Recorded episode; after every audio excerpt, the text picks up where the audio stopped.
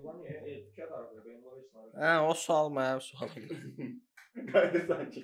Ha, mən- mən- Necə arıqladım qaqaş? Elçi, o sualı fikir timsalına verə bilərsiniz razı. Ar necə arıqla? A, yox, yox. Kimdə fikrət necə arıq? Mən e,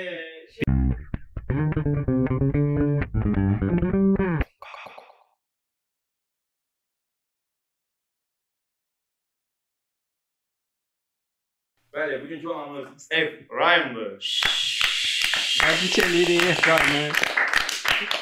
Burada F. Ryan'dan başqa adamlar da var. Onlar kadr arxasındadır. Bəli. Efraim o düzdür ki, bura Google-a Eminem yazanda sənin şəkillərin çıxır. Yox. Növbəti sual. Piki yazanda çıxır. Bunu yazıb yoxlaya da bilərəm. 10 dəqiqə qutardı. Növbəti sual. Samir Ramazanov haqqında danışmaq istəyirik zət.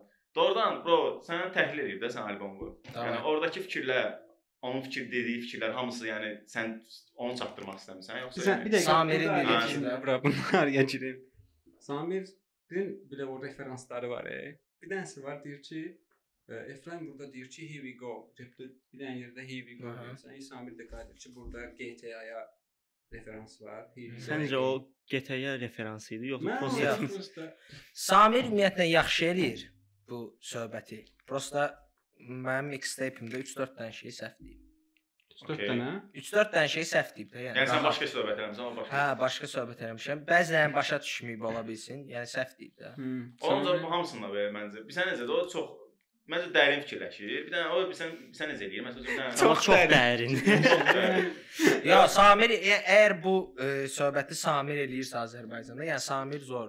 Elə Samirdə qalaq yaxşı. Məncə bir %90 baxacaq elə buna da. Samir komment yazmışdı da şey. Biraz da məncə özü bilir, e, o elə deyil. Prosta baxış üçün, yəni necə səmirdaşmaq üçün eləyir. Yox, bizə necədir? Məsələn, bir dənə qardaş Bəzən çox dibinə gedir. məsələn bir dənə repdə deyir ki, mən yolla girdim, ayağıma daş dəydi. Yanında supermarket var idi. Başlayır ki, o daşdır, super ordadır. Bu daş kriptonit daşıdır. Sən supermenə qarşısan. Hə. Super. Hədə yəni biraz Biraz var o söhbət hə. Hə. Yəni, O da rəng qatır da. Maraqlıdır bax. O sö- elə ona görə maraqlıdır ki. belə. Hərdən o qulaq asan deyirsən ki, "A, elə bu zor." Amma o da Şaş elə belə olsun da. Yəni Şaş Hə. buraya bir bunu demək istəsin. Qoy məni belə başa düşsünlər. Mən əslində orada mənasız bir şey Hə, hə, hə, hə.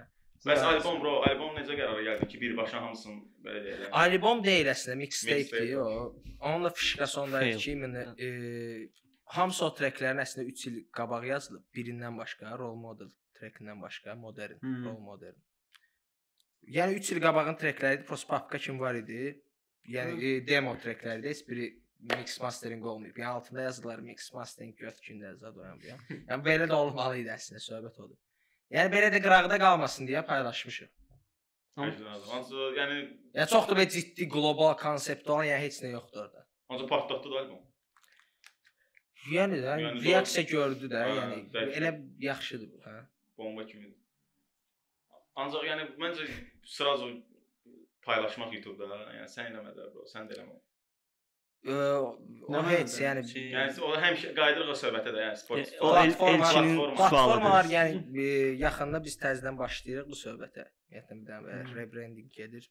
Hamısı platformada olacaq, yeni layihələr, zətlər hər şey öz yerində. Zor olacaq. Bu 3 il bundan qabaq yazılmışdısa, indi gör nələr vardı onda, təzə söhbətlər var. Hə, yəni ondan sonra da ümumiyyətlə mənim bir 50 dənə zət trekim var ki, boom bap stilində gedir də. Yəni oxşar treklərdə hamısı bir-birinə, hamısında yəni yəni də yəni var da bu. Boom bap stili nədir bura? Mən onu bilmirəm. Boom bap İndi- stili e, elədiyi 90 BPM-də olanda, yəni old school dedikləri söhbət. Hə. Və sən sənin trekindən başqa kim eləyir bunu? Xaricilərdən də deyə bilərsən.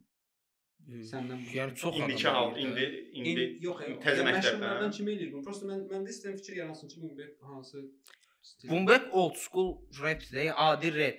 Yəni buna prosta bizdə şey deyirlər, ha, 140 old school eləyir. A, bu uşaqlar old school eləyir ha. Yəni rapdir də, yəni reperəm, rap deyirəm də, yəni başqa nə edeyim? Bəs indiki tərzinin səncə 140-ın təsiri var bunda? Yəni başqa bir labellə işləsəydin sıfırdan, Mhm. indiki tərzdə davam eləyərdin yoxsa başqa bir tərzdə olar? Yəni, ümumiyyətlə də Mən 140-da e, sözü kəsirəm, hamımız aşağı yuxarı eyni tərzdədir də treklər. Mən vəbşi, yəni əvvəlcədən fikirləşirdim ki, ümumiyyətlə mən heç vaxt qrup zat, label, birləşim, toplum belə bir şeydə olmayacam, tək olacam zat. Yəni 140 prosta elə idi ki, yəni uşaqlar gördüm ki, uyğunlaşırıq. Mhm. Yəni mənim manipulyasiya eləyə bilirlər, zordur. Yəni peşman deyiləm də heç cür sordu. Tanışlıq necə olub bro? Neocortex-in gəldiyindən? E, biz Eynulla ilə başlamışdıq studiya zad götürməyə, nəsə eləməyə. Yəni qrup şəklində yox, prosta da nəsə eləməyə. E, sonra Dərvişlə tanış olduq. Hı. Bizim köhnə menecer. Sonra Dərviş qəribi gətirdi. Dərvişə respekt, də Respektin respekt. işarəsi necə idi? Qəribi gətirdi, heç. Belə də belə birləşdi, Birləş. zor oldu hər şey. Yəni hər şey belə risk oldu da. An. Quliyev 140. Hə. Bu barədə Köhnə studiyamız Ərəfsat Quliyev 140 idi, ona görə 140. O studiya möhtəşəm studiya idi, yəni 2 mərtəbəli və bir çox reperin yaşanma yaşamaq istədiyi həyatı Hə, orada yəni. normal. PlayStation 5 çıxmamışdı orada var idi. Hə. Ora mən də bəyənirdim.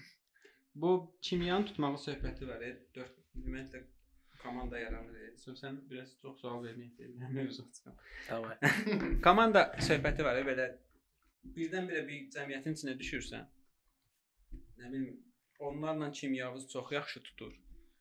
Sonra heç özünüz istəmədən ancaq produktivlik o yaranır da başa düşdün. Boş vaxtındır, nəsə yaradırsan və bundan bu sənə ləzzət verir və ümumiyyətlə hamısı da iştirak eləyir bu prosesdə 4 nəfər. Bu çox ləzzətli bir şeydir. Məsələn, bunu yaşamayan adam bunu bilməyəcək ki, hətta bəlkə də çox adamın uğursuzluğunun səbəbi bu olur. Mən özüm bunu yaşamışam. Məsələn, bilirəm ki, tim işi nədir, yararları nədir, başa düşdün? Doğru vaxtda doğru adamla, doğru cəmiyyətlə tanış oldunsa, çox qabağa aparır. Mən ona inanmıram. Bro, məncə yəni insan həyatda yəni boş-boşuna bir-birinə qarşılaşmır. Yəni bu həyat səni gətirir ona qarşılaşdır. Yəni fikrəti Eynulla ilə tanışdıq, sonra qəribə. Yox, mən demirəm ki, prosta bunlar Ya bəxtəbəxt olmur da, bunu demək istəyirəm. bəxtəbəxt. Yo, onu onu da heç kim bilmir, o söhbət var. Deyir, deyər səbəb. Sənin məsələn, üzr istəyirəm. Sənin Buyur, bir dənə beynində bir dənə amalın olur ki, mən rep eləyəcəm deyək ki, sən beynində bir məqsədin olur, amma heç özün də bilmirsən hələ o məqsəd nədir. Başa düşdün, hələ aydınlaşdırmamısan bəlkə. O istər istəməz o məqsədə doğru belə bir enerji səni çəkir də. Yəni bununla tanış olsan, bununla tanış olsan desə bir Hə, orada bizdə əslində elə olmuşdu. Yəni mən heç həmin ayət fikirləşmədim ki, də oradan qrup quraq. Yəni mən orada olduğum zat. Yəni belə şey fikirləşmədim də, yəni baş verdi prosta. Aura tutur da adamı Hə. çəkir. Qrup işində bəs bir qısqanma olur mu? Yaradıcı insanlarsızda istər Yox, istəməz. Yox. Heç olmur. Yəni Məsələn, məndə yoxdur, uşaqlarda da məncə. Eynullahın təlxəy treki patlatdı. Bilə, mən də nəsə eləyim. Göt günündə trek çıxarım mən də. Yəni göt günə trek də yəni Eynullahın trekindən belə çox da altda qalmır da yəni. O Yəni, trekdə orada niyə o qədər şey aqressivsən məsələn? Niyə hər Mən Liboy belə o da göt günündədir, bu da poxdur, o da poxdur. Rapdir də, yəni e, Aqressiya olmadan olmaz. yəni. olmaz hə. Yəni rap əslində alter ego işidir mənə görə ən çox. Onda belə sual verib, onda bu sevgi haqqında olan treklər sənə görə rep deyil, onlarda aqressiya yoxdur məsələn. Hmm, Sevgi haqqında rap sevgi haqqında yəni qaqaş oturub boom bap stilində sevgi haqqında rap yazsa, rapin belə deyək, standartlarına uyğun gələn bir rap yazsa, albom xaricdə də var da bu yəni. Rapdir yəni. Amma yəni bizim və yaxud türkləri lirik azad deyirlər də ona. O yəni O yox, rep deyil. yox. Ya heç vaxt eləmək fikrim yoxdur hələ ki. hip hopla rapin fərqi vardır. Yəni prosta çox qəliz sual indi qəliz. Hip hop mədəniyyətdir, rap də onun bir qoludur da. Hip hopa ya break dance falan Bizə necə çox şey. Break dance, bunu? Graffiti Sən niyə falan. var. Yəni onların elədiyi də qafiyə ilə bu onların elədiyi janr da təqribən rapdir də. Bu romantik ya da lirika eləyənlər. Nə deyək onlara? Eləmirlər. E, Rap bilmirəm o hardan çıxıb. Məncə türklərdən əsillənmədir. Müəyyən bir stil var ki, həm rapə oxşuyur, lirik azad deyirlər bizdə. Məncə türklərdən əsinlənmə bir şeydir. Məsələn ağlıma bir dənə nümunə gəldi. Bu xərclərdə deyəsən bir dənə nəqarətin beləmi pull the trigger Hə. bildiz də yəni təqribən çox məşhur. Hə, hə, rast. O mahnı məsələn lirikada amma rap də həm də. Nədir bu? Yəni sən sən o kateqoriyanı deyirsən də, hə? Yox, onu demirdim mən. Mən ümumiyyətlə bizdəki anlayışı deyirdim. Məsələn misal deyə bilərsən, yəni hansı məsələn rap? Bizdə, Hı. yəni nə bilim, Bat Klaus-a tutaq ki. Hə. Yəni Bat Klaus nə deyir, rapdir soruşursan, mənə görə yəni rap deyil də, rapin biraz başqa cür daxil elə bir mahiyyət. Məncə ən aqressiv. Ya səhv də deyə bilərəm, amma çox belə məlumatlı deyiləm. bu haqda. Klaus özü də deyir də mən şairəm. Bat Klaus Zordur. Bəxtiyar Amma rap deyil. Şair. Bu ümumiyyətlə bu rap sən şairsən fikir. Yəni bu rapperlə də bir. Rapper şair sayılmalıdır da, yəni şairdir, hə. Ancaq bir Yazırsan. bir an olur elə bil hamıda. Yəni biraz yaş keçəndən sonra deyir ki, mən şairəm əslində. Yəni mən rapper deyiləm. Elə bir şey olub. Kim eləyib onu? Mən O daha çox elə bəxtli olsun. backlass eləyim. Biraz yaş keçib məşhurlaşandan sonra qayıdım ki, Mən mən şairəm. Görür ki, evdə rapper sözünü yeridə bilmir. də, Yəni nə deyim, şairəm. Tağırda nə? Belə bir mövzu var. Bura sənin belə bir obrazın var da repdə. Mənə elə gəlir ki, daha çox bir paxuist bir obrazdır da, hə? Mhm. Bu obraz ümumiyyətlə sənin öz obrazındır. Yəni həyatda dəxlisi var bu obrazın. Sən olsan yoxsa o Yəni heç bir dəxlisi yoxdur da, yəni nol. Ha, bu alter ego söhbətidir. Hə, alter ego söhbətidir. Bunu da paxuizmlə dedin amma elə bil. Hə. Hə, hə, dəxlisi, yox. belə davranışlarından filan elə bil ki, sən həqiqətən də o obraza elə girmisən ki, həyatına da yansıyır. Ya bizə elə gəlir. Yəni davranışım mən qıraqdan özümü görmürəm deyə çox da deyə bilmərəm, amma yəni o deyil də, yəni heç kim çöldə döymürəm, ağac kəsmirəm, kişi doğramıram, qadın zorlamıram. Yəni heç nə eləmirəm də. Nə Yəni alter ego Məncə yəni elə görünməyi obrazın uğurlu aparmalıdır məndə. Yəni Hə. insanlar bilir. Bilirsən nə? Yəni insanlar ona köklənib deyə bəlkə də hə, treklərə. hə, O o söhbət də var. Prosta o obraz sənin həyatına təsir eləsə mənfiləri ola bilər də mən bilirəm. Təsir eləmir, çünki mən özüm onu yaratmışam. İlk növbədə mən yaradıcı insanam və bunu bacarıram, yaradıram da. Yəni məncə inanmıram, yəni o mənim həyatıma təsir etsin. Elə adamlar var sən Joker-də zətdə deyirlər, Joker oynadın, girirsən Hə. Joker-sən. İntihar zad eləyirlər. Hitler Metod Hitler yəni necə rola girmişdisə öldü. Hitler Hitler, Hitler, hə. Hitler abi. necə rola girmişdi adı? o paradozdan getib, yalandan deyirlər onu. Yox, yox, yəni rola çox stressiz almışlar Bilirəm, yəni və zarafatın var Hitlercən. Hitler kim deyə bilər. Efraim yəni institutda oxuyur. Efraim yəni məncə məsuliyyət şey, o qədər populist olsa. Hə, yəni mən İncəsənət Universitetində ssenarist fakültəsində oxuyuram. Fakültə adı o deyil, yəni ssenaristdir də, yəni Hı. məzhəbi. Belə. Mən mən elə bildim belə kino bir şey də eləyə bilirəm. Ancaq Trekində o söhbət var idi. 300 institutda oxuyanda 300 manat həyatlığı vəd etmirdi. Mhm. Və özün institutda oxuyursan. Okeydir, yəni mən instituta girmək istədim. Düşündüm ki, bu ən uğurlu institutdur mənim üçün. Sən də o institutda oxuyursan özdə. Heç nə də yəni belə. Yəni ən uğurlu universitet odur da, yəni məni sıxmır incəsənətlə bağlıdır. Ki mən ssenari haqqında daha çox məlumatım olsa kino haqqında, yəni bu mənim mane olmaz, daha da zor olar. İmtahan söhbətində danışdım. Hansı iftası? Şey haqqında danışdım. O şey yazılmaz. Don Quixote söhbəti. Don Quixote, hə, mən nəsə e, deməli imtahandan keçirəm, bir 2-3 gün söhbətidir. Qarı kəsilmişəm imtahandan. Xala kəsdi məni. İ, axırı imtahanın axırında qayıtdı ki, sən edəyik, biz kəsək zat. Yaxşı nəsə danış də, Don Quixote kim olub? E, mən bir dənə trekimdə qafiyə yerinə Don Quixote yazmışdım. E, tanımıram Don Quixote kimdir. 10 kilo Don Quixote, 12 ton zat belə şeylər var. E, qərib gəldi ki, bura burada on- Don Quixote bəs elə belə işlətmə də. Deyirəm mən Taliyə qarşı Don Quixote. Orada qayıtdım ki, Don Quixote Taliyə qarşı döyüşürdü. Keçdilər məni. Qəribə görünür. Taliyə qarşı Don Quixote. Onlayn imtahanlar səncə keçirilir. Tez danış, tez danış, tez danış. Megabaytımız yoxdur. Hə, quruz zaten. Aa, o 4-dən bizim imtahandayıq o. Ha, Bizə kamera azadı fırla, otağı göstər bizə zaten. Hə. Aha, mebellə hardan almısan? Güzel. Qaqaşın birinə dirəşmişdi. Qaqaş çevirdi ki, çay deyə bura. Mən oradayam mən. Bura bizdə bir də psixologiya müəllimi var idi. Girdi danışdı, dərsə başladı danışmağa, danışa danışa keçdi başqa sinifə. Biz qaldıq belə müəllim yoxdur da. Direktor mən bir müəlliməm, axırıncı dərsi olub onlayn. Mən də telefonu qoymuşam qırağa, iş gücümü görürəm də. Axşam zəng elədi mənə ki, nömrəvi bəs şeydən aldım, Starsadan. Niyə mənlə sağollaşmadın, sağ ol. Al 30 dəqiqə danışdı mənlə ki, mən bəs bu qədər əziyyət çəkirəm, danışıram, filan universiteti bitirmişəm, bu qədər nə bilim tər tökmüşəm müəllimliyə görə. Niyə sağollaşmadın oğlum? Sınıxı be o. Bizdə Pis oldun oğlum. Bizdə imtahan oldu yarım saat. Müəllimlər 1 saat özlərini təriflədilər ki, "A, siz necə möhtəşəm müəllimsiniz." O bir, "Ay yox, siz daha möhtəşəm." "Ay yox, vallah siz, vallah sizi müəllim kimi biz tanıyırıq." ha." Yəni 1 saat təriflədilər özlərini. Zaretkam qutardı, atdı da. Mən daha zoram. Sonra vaxtlatdılar ki, yəni keçmisən. Abi institutlar da açıldı. Karantin. Bura sən şeydirsən, yumor edirsən ya arada repin içində. Arada yox belə çoxsu humoristikdir də. Ümumiyyətlə hə mən- də mənim yəni treklərimi çox elədi ki, yəni çox da şey eləməyin də, belə ciddiyə almayın.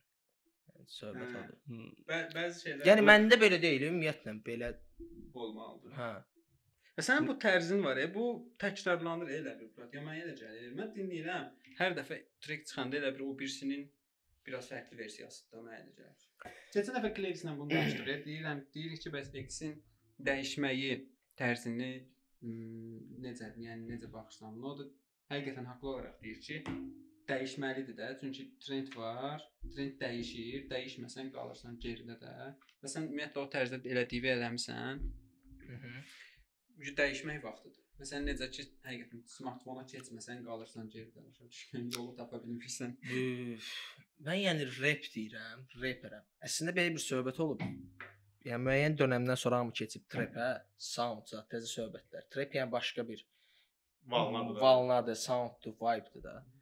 Niyəsə belə söhbət olub. Yəni bizim reperlər, türk reperlər ümumiyyətlə dünyada çoxu reperlər trepə keçsi deyə. Yəni elə bilirlər ki, yəni dəyişməlisən də. Yəni YouTube-da mənim yəni bir 20 də maksimum trekim var. Adamlar deyirlər ki, "Ha nə oldu bəs bu təzələnmir, bu dəyişmir zət." Yəni niyə də? Yəni reperəm də mən onsuz da bunu edirəm. 20 ildə buna qulaq asmısınız da. Yəni sonradan dəyişib bu. Yəni Dəyişmək olar odur da, bura. Dəyişmək olar, yəni mən də polibomu, yəni fikirləşirəm dəyişəcəm nəyisə doğru, amma yəni deyə bilmərəm bu trap olacaq, yəni nəsə olacaq. Yəni dəyişəcək polibom. Problem odur da, brat. Ba, e, Amma keyfiyyət qalacaq 140 vibes. O heç də. 140 vibes. 20 ildir bax biz 20 il əvvəl də məsələn mən 10 il əvvəl deyim, 20 il əvvəl deməyim də mən bu hip-hopa qulaq asırdım özü də old school. Və rapi də elə tanıyırdım da. Mən ümumiyyətlə Atutun Atutun deməyim, e, bu yeni trap zat tanımırdım da. Başa düşdün? Rap deyəndə ağlıma old school rap tərzi gəldi. E, Bu təzə nəsil rapləri dinləyəndə də mən elə gəlir, mən elə gəlir ki, bu rap deyil. Yəni deyirdim ki, yox, e, bu təzə asqırağa da başa düşdün. Amma bir yerdən sonra öyrəşirsən axı yeni musiqilərə. Deyib sən ücə buna öyrəşirsən təzə musiqiyə. Bir köhnəni təzədən gətirib kimsə qabağa qoyanda. Hı. Ücə qalırsan belə təzədən getdik, yerə here we go again başa düşdün. Amma new school-lardan heç belə autotune falan işlədən yoxdur mən bilən. Çox azdır. Yo yo o olsun ya tütün bu prosta dedim. Eləyə bilər ya baxırsan da. Ümumiyyətlə bir dənə Travis idi də sən demişdin də mən demişdi ki mən tütünü tool kimi istifadə, musiqi, yəni musiqi aləti kimi istifadə edirəm də. Yəni şey deyil o. Effekt deyil mənim üçün. Başa düşdün? Musiqi aləti məsələn təzə bir musiqi aləti yaranıb, autotune tardı prosta sən səsi odur. İndi sən deyəsən onu istifadə eləmə.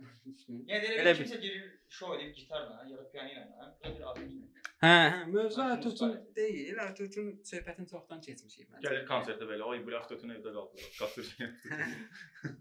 Avtotun şey daha ləhv oradan. Deyəsən Fuaddır bu. Avtosunun mikrofonlar da vardı. Ezel falan konsertdə işlədir.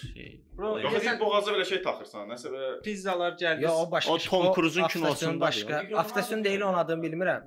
Pianino çala-çala oxuyur bir dənə qaqaş, o söhbətçi. Ağzında nəsə var, oradan o səs çıxır. Yo, yo, o alət. O, o. Oy. Oy.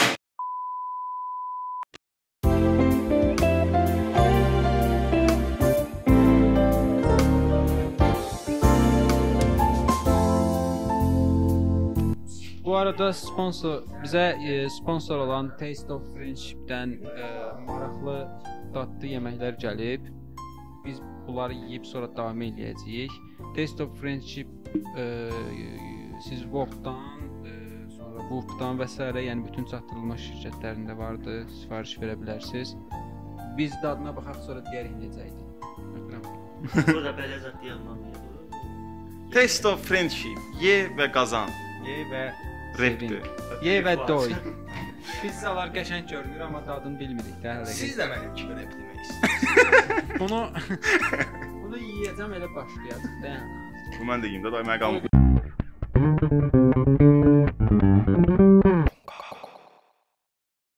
Sən Eminemlə deyəsən Eminemə belə babat fanatlığı var. Danışmaq istəyirsən Eminemlə bağlı nəsə. Çox adam məncə Belə Eminem trek- fanatlığı var.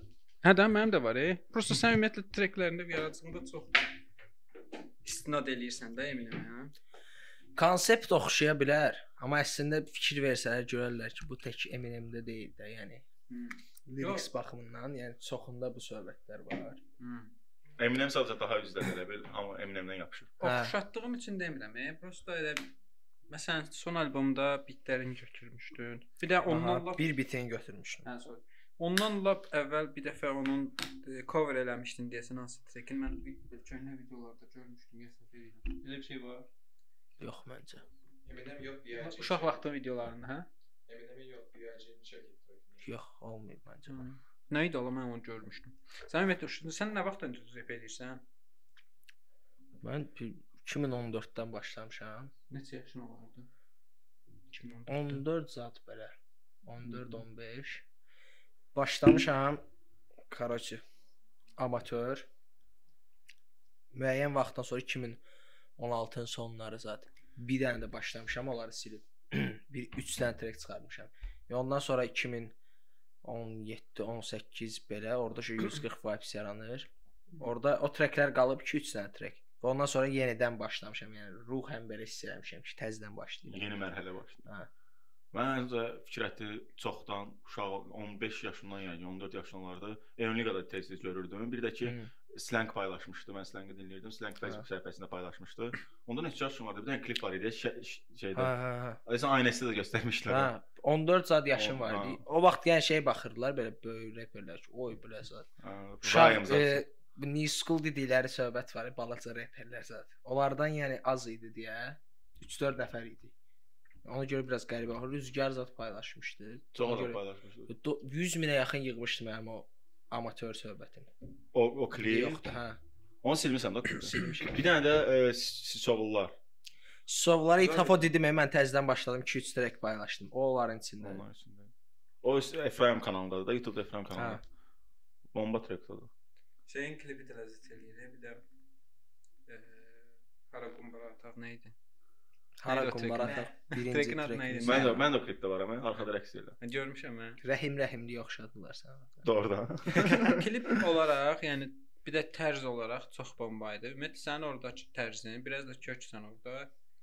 İ oradakı geyim zat belə elədiyin tərz mənə ləzzət elədi. də. Baxdım dedim ki, bu hip hop tərzi budur da, çox ləzzətlidir. Başa düşdün dedim. Belə də arasız ordur. Amma indi o tərzdən çıxmısan, nə deyirsən? Hə? Yəni o Hə, o trek əslində özümüz də bəyənmirik bu dəqiqə.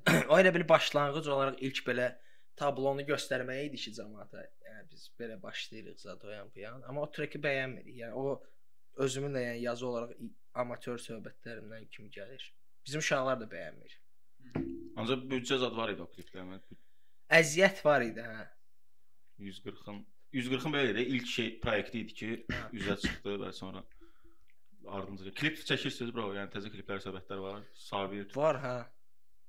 Bu mixtape-də nəsə olacaq yoxsa Mixtape-dən yox, mixtape mən yəni dedim də, yəni arxada qalmış söhbətlərdə. Onu prosta Hə, cəmaət ona da qulaq assın deyə paylaşmışıq. Klip klip olacaq, yəni adi treklər, yazılmış treklərə aid kliplər olacaq. çəkilmir indi nə? İndi bir dənə e, trekimə aid klip çəkilir. Adını bilmirəm, hələ qoymamışam, amma çəkilir də, yəni klip də olacaq. kim çəkir? Sabir. Sabir. E, klipi kim çəkir? Müseyib çəkir. Ha, Hüseyn. Hüseyn Hüseyn bizlə də. Burdadır Hüseyn. Hüseybə respekt. Müseyib indi burdadır. Və ə, bir şey soruşacaqdım. Bu battle rap olub da Azərbaycandakı battle rap haqqında nə fikirləşirsən? Ümumiyyətlə kəllə-kəllə haqqında fikirlərin nədir? Kəllə-kəllə yəni yaxşıdır. Yəni müəyyən səviyyədə Sən o sorğudan xəbərin var Telegramda. Sorğu keçirdi kəllə-kəlləyə. Məsəl üçün adda MC-lər idilər.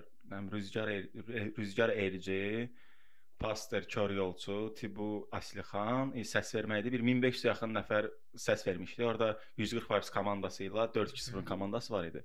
E, yəni 54 zat faizdən siz idiniz də şey. Yəni hamı o battle Hə. sadəcə. bizə təklif gəlib. Yəni təklif yəni belə səthi olaraq e, mənə gəlir bu mövzu danışılmış ki, nəsə 2-2-yə 3-3-ə zat battle olsun. Hı. 4-2-0 biz. Hı. Mənə nəsə amma şey gəlir belə biraz. Bu sadəcə yəni ruslarda bu olur. Burada bir nəfər biri ilə deyir hansı. Label labela Hə, qarşı. label şey. label. Ancaq Məncə olmayacaq hər şey. Mənə elə Ancaq gəlir. o mütləq bit üstə olmalıdır məncə. Bir də ki, elə Qəti olmayacaq hə. Elə bir Yəni şey mənim fikrim o idi ki, mən çıxmayacağam, eyni olaraq diqqəti olmayacaq, olmayacaq. okey olmayacaq. e, Prosta ol, əgər olsa da deyək ki, Mhm. yəni kim kimlə qarşılaşacaqdı? Bəs məsələn sən 100% epi ilə deyəcəkdin qarşılaş çünki elə bir şey var ki, sənin epi ilə çıxmaq istəyir. Mhm. Məsələn, qərib kiminlə çıxacaqdı 4-0-da və yaxud da yəni kiminlə görürsən qəribi 4-0. Heç kimlə. Həmçinin Eynullah. Eynullah məsələn orada Yəni o lazımsız söhbət iddia deyirik də, yəni olmayacaq. Yəni lazımsız da o. Yəni sən dediyin söhbətlərlə görsən tutuşmur. Lazım deyil yəni.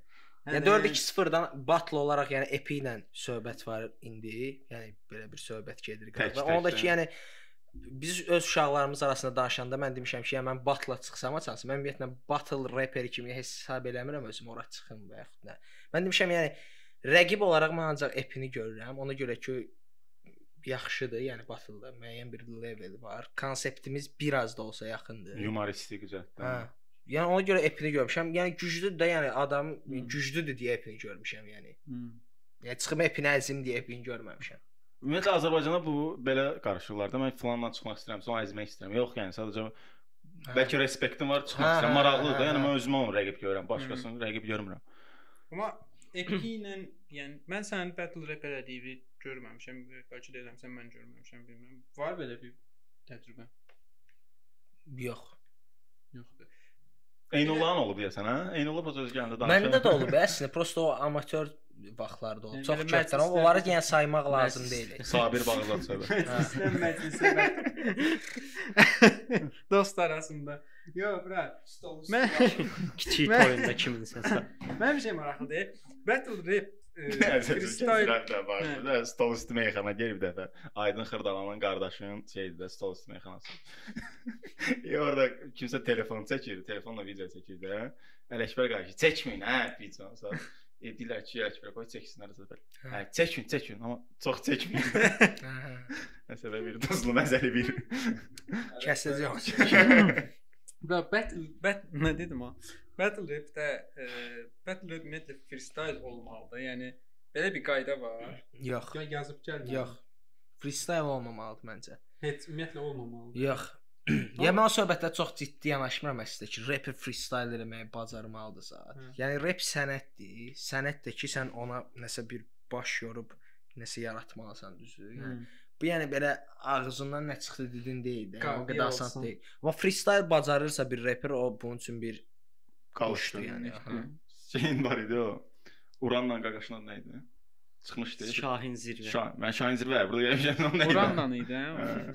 Əfsanəvi battle idi, sonra Uran uduzdu. Hava heç qafiyə də eləyə bilmirdi. Problem yox. Uduzdu da Uran ancaq o battle-da. Uduzdu. Ha, Uran uduzdu. Ha, səs verməklə. Hə. O vaxtdan başlayıb. Yox, deyir ki, şey deyir də, deyir orqan deyir də, deyir İdris 2 dənə deyir ən böyük proyekt Hə, olub. hə, hə. İkisində də haqsızlıq olub yəni ölkə üzrə. İdris nə idi? da söhbət. İdris gəldi, yəni mağazada şey idi də, getdi ilə Praqaya da getdi. Sonra qayıtdı, sıçdı təzədən yəni. Ya bilmirəm verəcək səfirəyə yox. Yəni orada İdris bir də qaqaş var idi. Mi. Mim? Mim. Mim. Yəni onları İdrisi tanıyıram, Mimi yox. Yəni 2004-2005-də zətdə Azərbaycanda müəyyən battle ya rap proseslərində iştirak edirəm, amma o o vaxt idi. Yəni ümumiyyətlə Azərbaycanda onsuz da anlayış azdı. Yəni o o vaxt idi. Yəni indi onun qərarları yəni bu deyil də, yəni dəqiq deyil başa düşürsüz necə? Yəni ona o şey eləmək lazım deyil. A bu dürüstlük, qardaş, bu deyirsə mütləq Hə, belə olmalı. Yəni çox da şişirməyin də, yəni mənə görə Bu yox. o özü də o aspektdən yanaşır da. Instagramda post paylaşdı ki, Adam yəni prodüser kimi qərar verib. Yəni Hə, görmüşəm o hə, yayımı. Yəni hə, niyə də? mən Uranı tanıtdırım, çıxartmışam efirada. Nəsə də, yəni bu fikirlərlə yanaşdım, ancaq boş fikir idi və Ya Kamran Əsənli də onda müsif ola bilər də. Yəni o da nəsə eləyib o vaxt. Ümumiyyətlə battle-da münsif yəni nə dəxli var da. Cəmaət seçsə daha olmayacaq. düzgün Yəni olmaz. Mazi yəni. Abdülmazi deyəsən Belə demək olsa kim olmalıdır? Yəni Münsif hər halda- olmağı mənim üçün okeydir. Prosta yəni elə adamlar ki, doğrudan bunun qərarına bütün ölkə yəni cavabdehdir ki, yəni bu adam Bilir. düzgün qərar verər də, yəni. Hı. Yəni orada aktyor müsif olur, çünki bu aktyorluğa baxsın biri, biri nə bilim Xoyna söhbət. Əslində söhbət odur ki, yəni təkcə bu də kəllə-kəllədə deyil, yəni rus repdə də var da, stand-upçı çıxır, ə, müsif olur. Ümumi şouda Hə, axıdır söhbət, şoudur, orada hə, olmalıdır. Yəni təşkilatçıların şeyidir. Ancaq hə. reper, ancaq reper, ancaq olmur axı yəni. Nə qədər reper çağırırsan, rep tükənəcək axı reper də başa düşdün, kimsə. Həmişə eyni adam olsun da, burada nə var? Ha, o əslində rus rapdə var belə şey. Yəni battle-da olur. Məsələn 2 nəfərdə həmişə onlardır. Bəli. İyi əlavə 3 nəfər çağırırlar. Yəni onlar daha. Ruslarda müsif vəbşə çoxdur. Bizdə 3 Yo, onlarda məsəl üçün ən Oxymoron Nagloniyada olub ən çox müsif. Orada 5 müsif var. Yaxşı. Qalibin necə? Bizdə də qərar 5 verəcək? müsif oldu. 5 axırıncısında 5 idi. Pastor 5 idi ha. 5 idi. Yəni Yəni münsif olmasa necə qərar verəcəklər qalibə? Yəni bunu fanatların öhdəsinə buraxa bilməzlər. Kütlə səssizat deyə bir şey var da, nəsə Bro, elə bir birinin söhbət. fanatı çox olur, amma poxuy pis Ya məncə yəni bu məsələdə yəni bilən bilir gör. Məncə münsif olmalıdır. Yəni mənə elə gəlir ki, münsif olmalı, amma yaxşı münsif olmalıdır. Hə də, bunun fanatının öhdəliyinə buraxılmasın. Çünki elə adam var ki, mənası reperi fanatı çoxdur da. Yəni- Fanatdansa münsifin öhdəliyinə burax. Ay sağ ol. Mübariz Tağıyev zət gəlsin. Boris Tağıyev rockstardır bro. Köhnə rockstardır. Biz ona qərar verdik keçən bölümdə Rockstar-dır. Brat, bəs səndə bu çığ söhbətinə mən düz dedim çığ. Çıxıyor. Səndə var Məndə də var, ona görə. Hətta məndə də var. Düzəldə bilmirəm hələ də. O yəni yəni səncə həqiqətən də problemdir bu? Əslində problem deyil. Yəni adamlar var çıxıb danışır yəni ki, "Hə, Azərbaycan zət belə deyirlər pırt." Yəni şivələr, dialektlər zət bunlar var da, yəni. Yəni sən hardan bilsən, yəni Tupac hansı trekində ç dinləyib. Yəni bizlə müqayisə Amerika edə. slangində. Hamının öz şeyi var da, slengi, danışıq tərzi, intonasiyası. Bu problem deyil. Amma məsələn, mənim mixtape-imdə çığlar var bəzi treklərdə. Onlar köhnə trekdir, orada çığ var və onlar elə papkadır ki, onları təzədən mix mastering eləmək olmur. Yəni məqsəd bu idi ki, yəni köhnədir, pisdir deyə paylaşıram mix mastering və yaxud nəsə cəhətdən. Təzədən düzəltmək olmur. Yəni orada çığlar var. Yəni o əlimdə olsaydı mən onu düzəldirdim. Mən, mən də başa düşürəm çığ var. Yəni məncə təzə treklərimdə mənim çığ olmayacaq. Kimsə Amma belə də ki, bu problem deyil əslində. Biraz dərin baxsaq söhbətə. Məsələn, Uran ə, çox şey ğ, x istifadə eləyir və sərt eləyir bunu. Bu üçlünün ancaq Satmaq zat kimsəyə. Hə, Hə. axırın q ilə vurğulur, qutarır. Hə, kitab cümlələri filan. E, Bu onun tərzidir də mən belə başa düşürəm ki, düzü bu məni narahat eləyir. Amma mən demirəm də, hə, Uran. Vəbşə çıxmaq nədir? Hə, hə, hə, hə, hə. Fırlanır çap treki var idi məsələn, ancaq x-dır da trek düşdün. Adama deyir, "Uran bir də tüfür rahatla, sonra davam elə də." bir də zəfayda dinən qaqaş tweet yazmışdı ki, deyir bu gün Bəyram Bağırzadənin boğazındakı bəlgəmin 10 illiyi idi.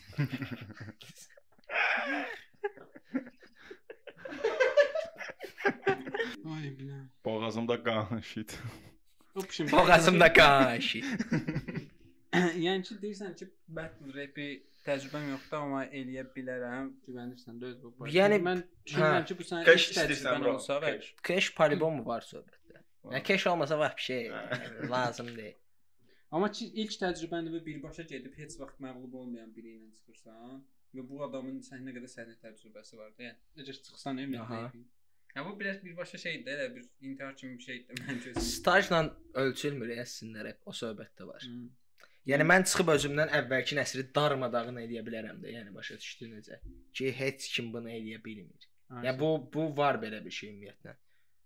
Yəni stajla ölçülmür deyə yəni mən çıxıb orada yəni uda bilərəm epini düşünürəm. Amma bir də Amma demirəm mən epini udacam. Belə şey yoxdur. Və səhnə rahatlığına zəbə görə deyirəm də o Hə, o kütlə- heç o sayılır, hə, görüb, hə. Kütlə görüb. Qorxusu. Ancaq belə baxanda Pasterdə indiyənəcən battle eləməmişdi və 2000 neçə nəfərin qarşısına çıxdı və daha inamlı görsənirdi. Halbuki Tibu Hə də, pa- Boston Yəni. Ümumiyyətlə yenilədi Bəli. söhbətini orada. Hmm. necə battle idi? Zor. Xoşu gəldi yəni bir Azərbaycanda ən bomba battle sayılar da. Hə. Yəni bu a- pa- Paster elədi? Yəni ondan qabaq məsələn Epi heç, yəni Epi battle eləyə bilir. Okay, Neo Cortex müəyyən şeyləri gətirib təzə şeyləri. Hmm. İyi Paster də bu dövrə görə yenilədi təzədən onu. Ən güclüsünü elədi. Yəni Pastel orada- tekstinə də güvənirdi ya, onun üçün rahat idi. Və həm tekstinə güvənirdi, həm baba fanat ordusu var idi orada. Amma boğazım cırılmışdı oradan. Orada kans şeydən çıxandan sonra belə. Sən boğa- ba- nə qədər qışqırdım o sözü. Body bag, body. ya arxada Tibun fanatları durub qaqaş mənə tərs-tərs baxırdı. Dedim, "Ay, yaxşı. Döyəcəklər məni. Tibu göt baş eləyək bunu." Qulağından tutublar sayır. Və sizin labeldə ümumiyyətlə prodüser işlərini görən heç kim yoxdur, hə? Hal-hazırda yox. Yox, Belə bir axtarışınız var ki, mən istəyirəm. Yəni label istəyirsə ki, bir nəfər. Deyəsən qərib demişdim, mən istəyirəm ki, bir nəfər olsun, mənim bütün işlərimi görsün, mən O ancaq prodüser deyəndə, yəni prodüser pul buraxansa söhbətə yoxdur. Amma menecer işləri və yaxud kənar olan işlər ki, reperin işləri deyil bunlar. Yəni var. Komanda bu dəqiqə genişlənib əslində. Hə, hə, bilirəm. Amma belə bir şey var. Ya, mən pul buraxan prodüser Amma musiqi prodüseri var, ancaq musiqi eləyir. Bir prodüser var, ancaq gəlir sənin marketinqi verir, təşkilat işləri görür, hər şey eləyir, sadəcə pul vermir. Mhm. Bir də var, biri gəlir pul verir, deyir ki, get işləməm, deyir ki, pulunu qaytararsan da tutandan sonra. Sizdə deyək ki, musiqi prodüseri var. Ə, digərində taparsınız rahatdır. Amma bu pul verən prodüser var, e. Ona siz nə vəd eləyirsiniz? Bax mənim 100 minim var. Gəlirəm deyirəm ki, uşaqlar, siz zorsuz.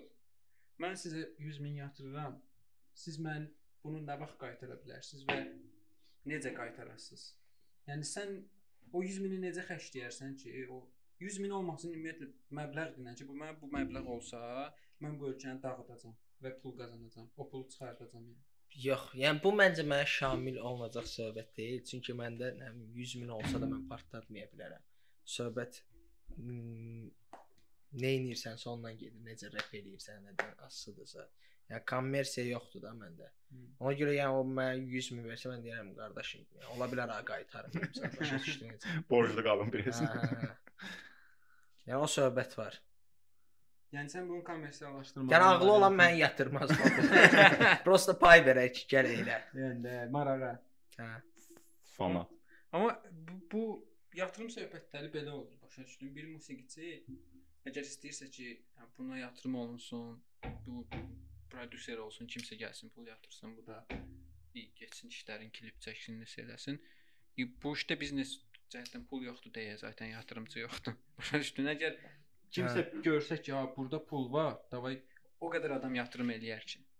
Yəni ümumiyyətlə sənaye zibildə vəziyyət. Şey eləyir də pulu. Enerjisi kiçiklər.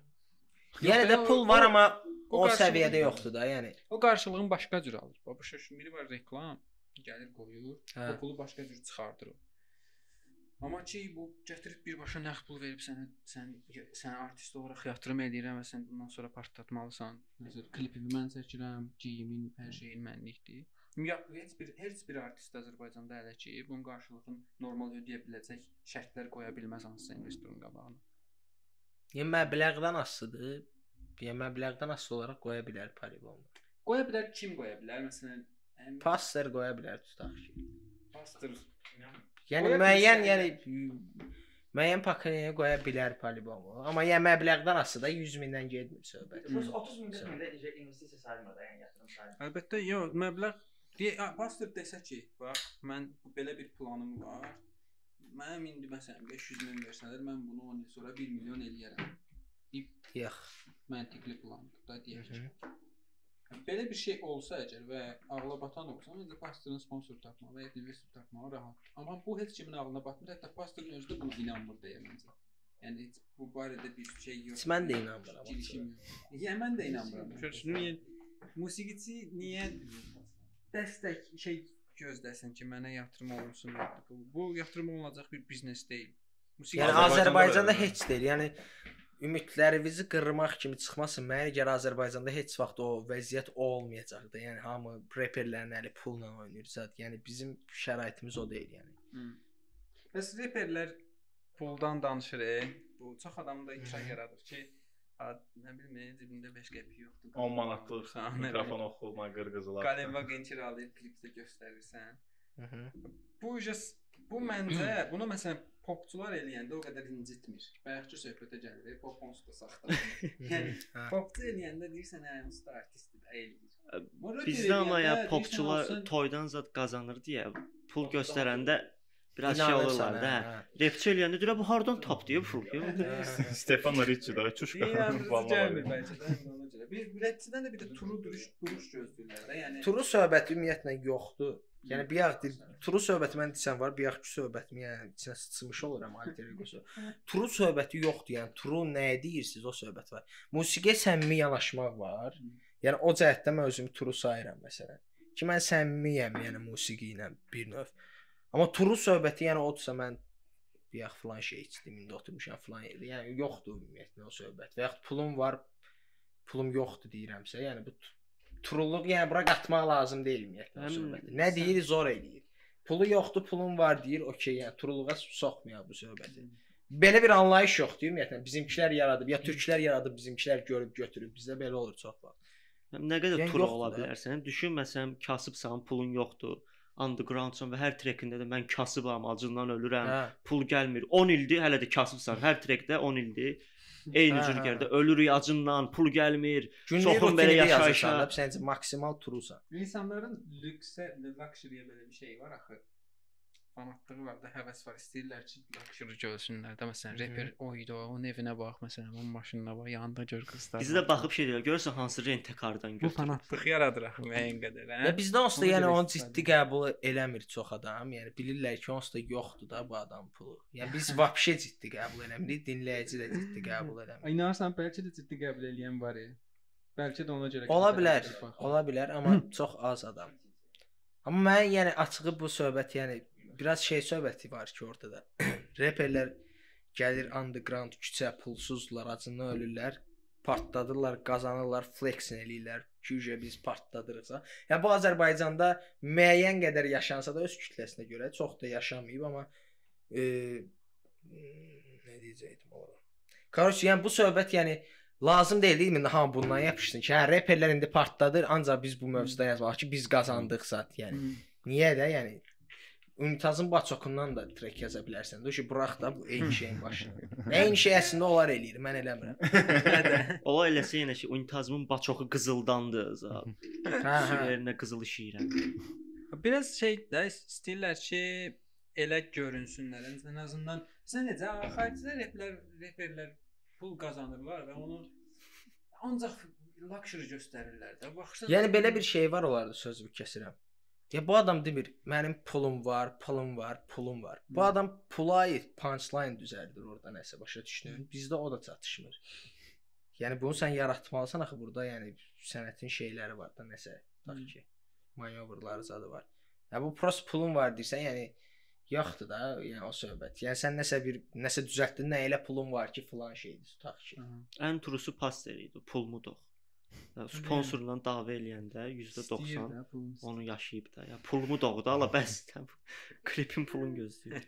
Klipdə siz də varsınız da, o klip çəkilmiş. Klipdə biz varıq, bəli. Klipin Bizdən birinci daha çox bizon var klipdə. Hə, biz 25-ci kadr kimi görürük ən çox. Amma yəni trekin birinci hissəsi, mən yəni orada işləndə kolonkaları idi o heç. Yəni ondan da əlavə, yəni söhbət ondan getmir. Yəni klipin trekin birinci hissəsini bəyənmirəm ümumiyyətlə. Yəni uşaqlar elə bil e, uşaq Fastergil e, yaxşını eləyə eləyə, eləyə bilə bilə lyrics cəhətdən Hı. pisi seçiblər. İkinci hissəsini bəyənirəm. İkinci hissə əjdaha da dərmandan. Hə, İkinci İkinci hissə zordur.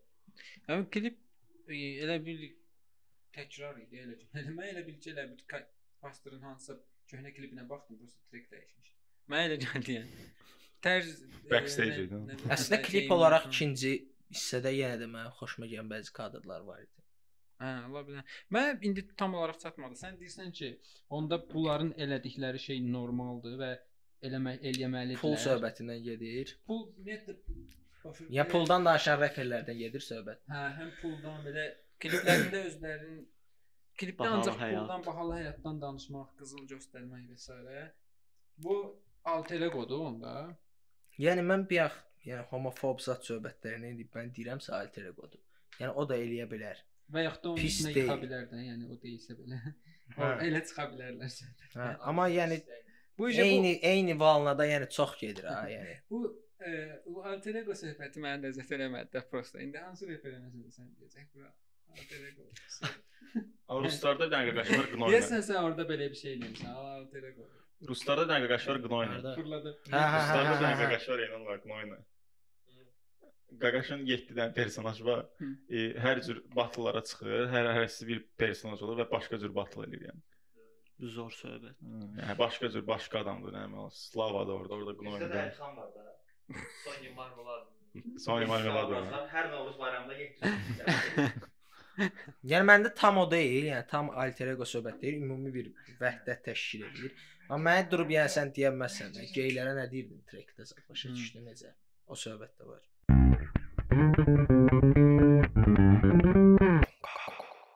Ümumiyyətlə biz yəni produktivi əslində belə bir kom kommentariyalar oxuyuram ki, hə 140 vibe sonra deyir, prosta uşaqlar kayfa deyirlər. Kayfa deyirlər nədir? Yəni sən mixtape-imin altına yazmısan da. Yəni fikirləş gör bu il ümumiyyətlə Azrepdə kim niyəsə albom çıxardı, mixtape çıxardır. Yəni ən partladanlar belə gec-gec direkt çıxardır. Yəni işləyirik də biz, yəni çıxardırıq da, yəni. Bir otururlar şey. "Bu- Bəlkə nəsə deyir. Hə, yəni kayfa deyəndə yəni da." səsimi yazıb qoymamışam. yəni, var da, yəni burada cover var, mixtape var. WhatsApp-dan yollayırdı, oxuyub yəni. İndi bu söhbət açılmalı idi məncə. Yəni. Həqiqətən elə bir şey var. E, baxırsan deyir ki, "Ha, professional yanaşmırlar. Əslində daha yaxşısını eləyə bilərlər. Hə, o mətnə qulaq asır. Elə bir professional yanaşmamışıq. Onda bir dənə qəribə nəsə baş verir beyində belə kim yazar, qarışır da belə. Bu qaqaş deyirsə belə belə, deməli bu qaqaş ciddi Elə yanaşır. elə bir Risk ki, bakalım mixi pisdir satın. Risk bilyardır da o. elə bir ki, əbr oturmuşdular deyib daha keçəcək studiyaya rep eləyək bir dənə. də. Hə, Hə, hə, hə. profilə bir paylaş dedən şəkil Hə, hə, bir paylaş. Niyə elə bir algı yaranır ki, bilmirəm. Məncə mətnlərlə əlaqədardır. Bura- Yəni sırf məndə məncə mətnlə əlaqədar. Biraz ciddi qəbul O edirəm. söhbət. Hə. Elə bilirlər kayfa deyirəm. Yəni kayfa deyir nədir? Yəni bəyənmədiyim şeydə heç cür deyən mənəm ki, bəyənirəm, dostumdur deyə və ya Hə. iş birliyim var deyə. zaten. Hə, daha açıq-açıq deyərsən də. Hə, Yəni heç 100%. kimin heç kimə görə nəyisə tərəfini tutmaq da. Okay. Məndə o yoxdur. Mən soxuram içimə. Zarfatsız yəni. Hə, səndə niyəsə yəni Hə, mən yəni kimsən. Prosta heç kimin xətrinə dəymək istəmirsən də. Ona görə hamı ilə Sahil Sahil elə bir hamıya yaxşı olmaq istəyir də. Mümkün deyil də Hə. bu. Axırda göt çıxanda. E, Hamı ilə yaxşı olum, heç kimin xətrinə dəyməyim. Nəysə. Yəni şey yəni tərəfdən yanaşanda mən heç kim sən necə o söhbət var ya, hamı nəyisə qınayır da, məsələn, falan kəs. Ha, Bunlar qaqadılar. Hmm. Qaqa qaqalar deyə bunlar başlarsın. Məncə heç kim on dramatik notlar yer, orada gitar azadca olur. Yəni heç kim kimisə ailəsində böyümür də başa düşdün. Sən o o insan təbii ki, inkişaf eləmək insan özünə asılıdır. Ancaq heç kim o ailədə böyüməyib. Biz məsələn bizim indi məsələn hansı tərəfdən bəxtli gətirib uşaqdan doğulmuşuq, hansısa kinolar çıxıb qarşımıza, multiklər nəyin pis, nəyin yaxşı. Yəni hər şey uşaqdan gəlir də. Və onlar görmədiyi şey biz görməmişik, biz görmədiyimiz şey onlar görməyib. Və kimisə buna görə qınamaq, ona görə biraz çox nisbi yanaşır. Dəhşət nisbi yanaşır. Bir var nisbi yanaşmaq, bir var Hə. dəhşət nisbi yanaşmaq ki, hamımız yəni. O söhbət də var əslində, amma Onda nə nəyisə oxumalıdır, nəyisə görməlidir yox, e, heç olmasa yəni onu eləmirsə bir özü bir adekvat qərar versin də, yəni buna ilişdim küçədə, yəni nəsə də. Adekvat qərar versin ki, bu olmaz ümumiyyətlə, başa düşdün? Hı. Amma onun dünyasında da o olar da. Yəni o elə böyük Hə, ki, o düşünür ki, o. Götdür də o. inkişaf. Ümumiyyətlə e, Niyaməddin Musayevin qızıl sözləri ilə gəlin bitirək verilişimizi ki, Yağdan inanarsam bunu sıxıram mən. Niyaməddin. Niyamətdir. Hı. Dünya sənin, dünya mənim, dünya heç kimin. Ancaq bu huzi da kiminsə ola bilər.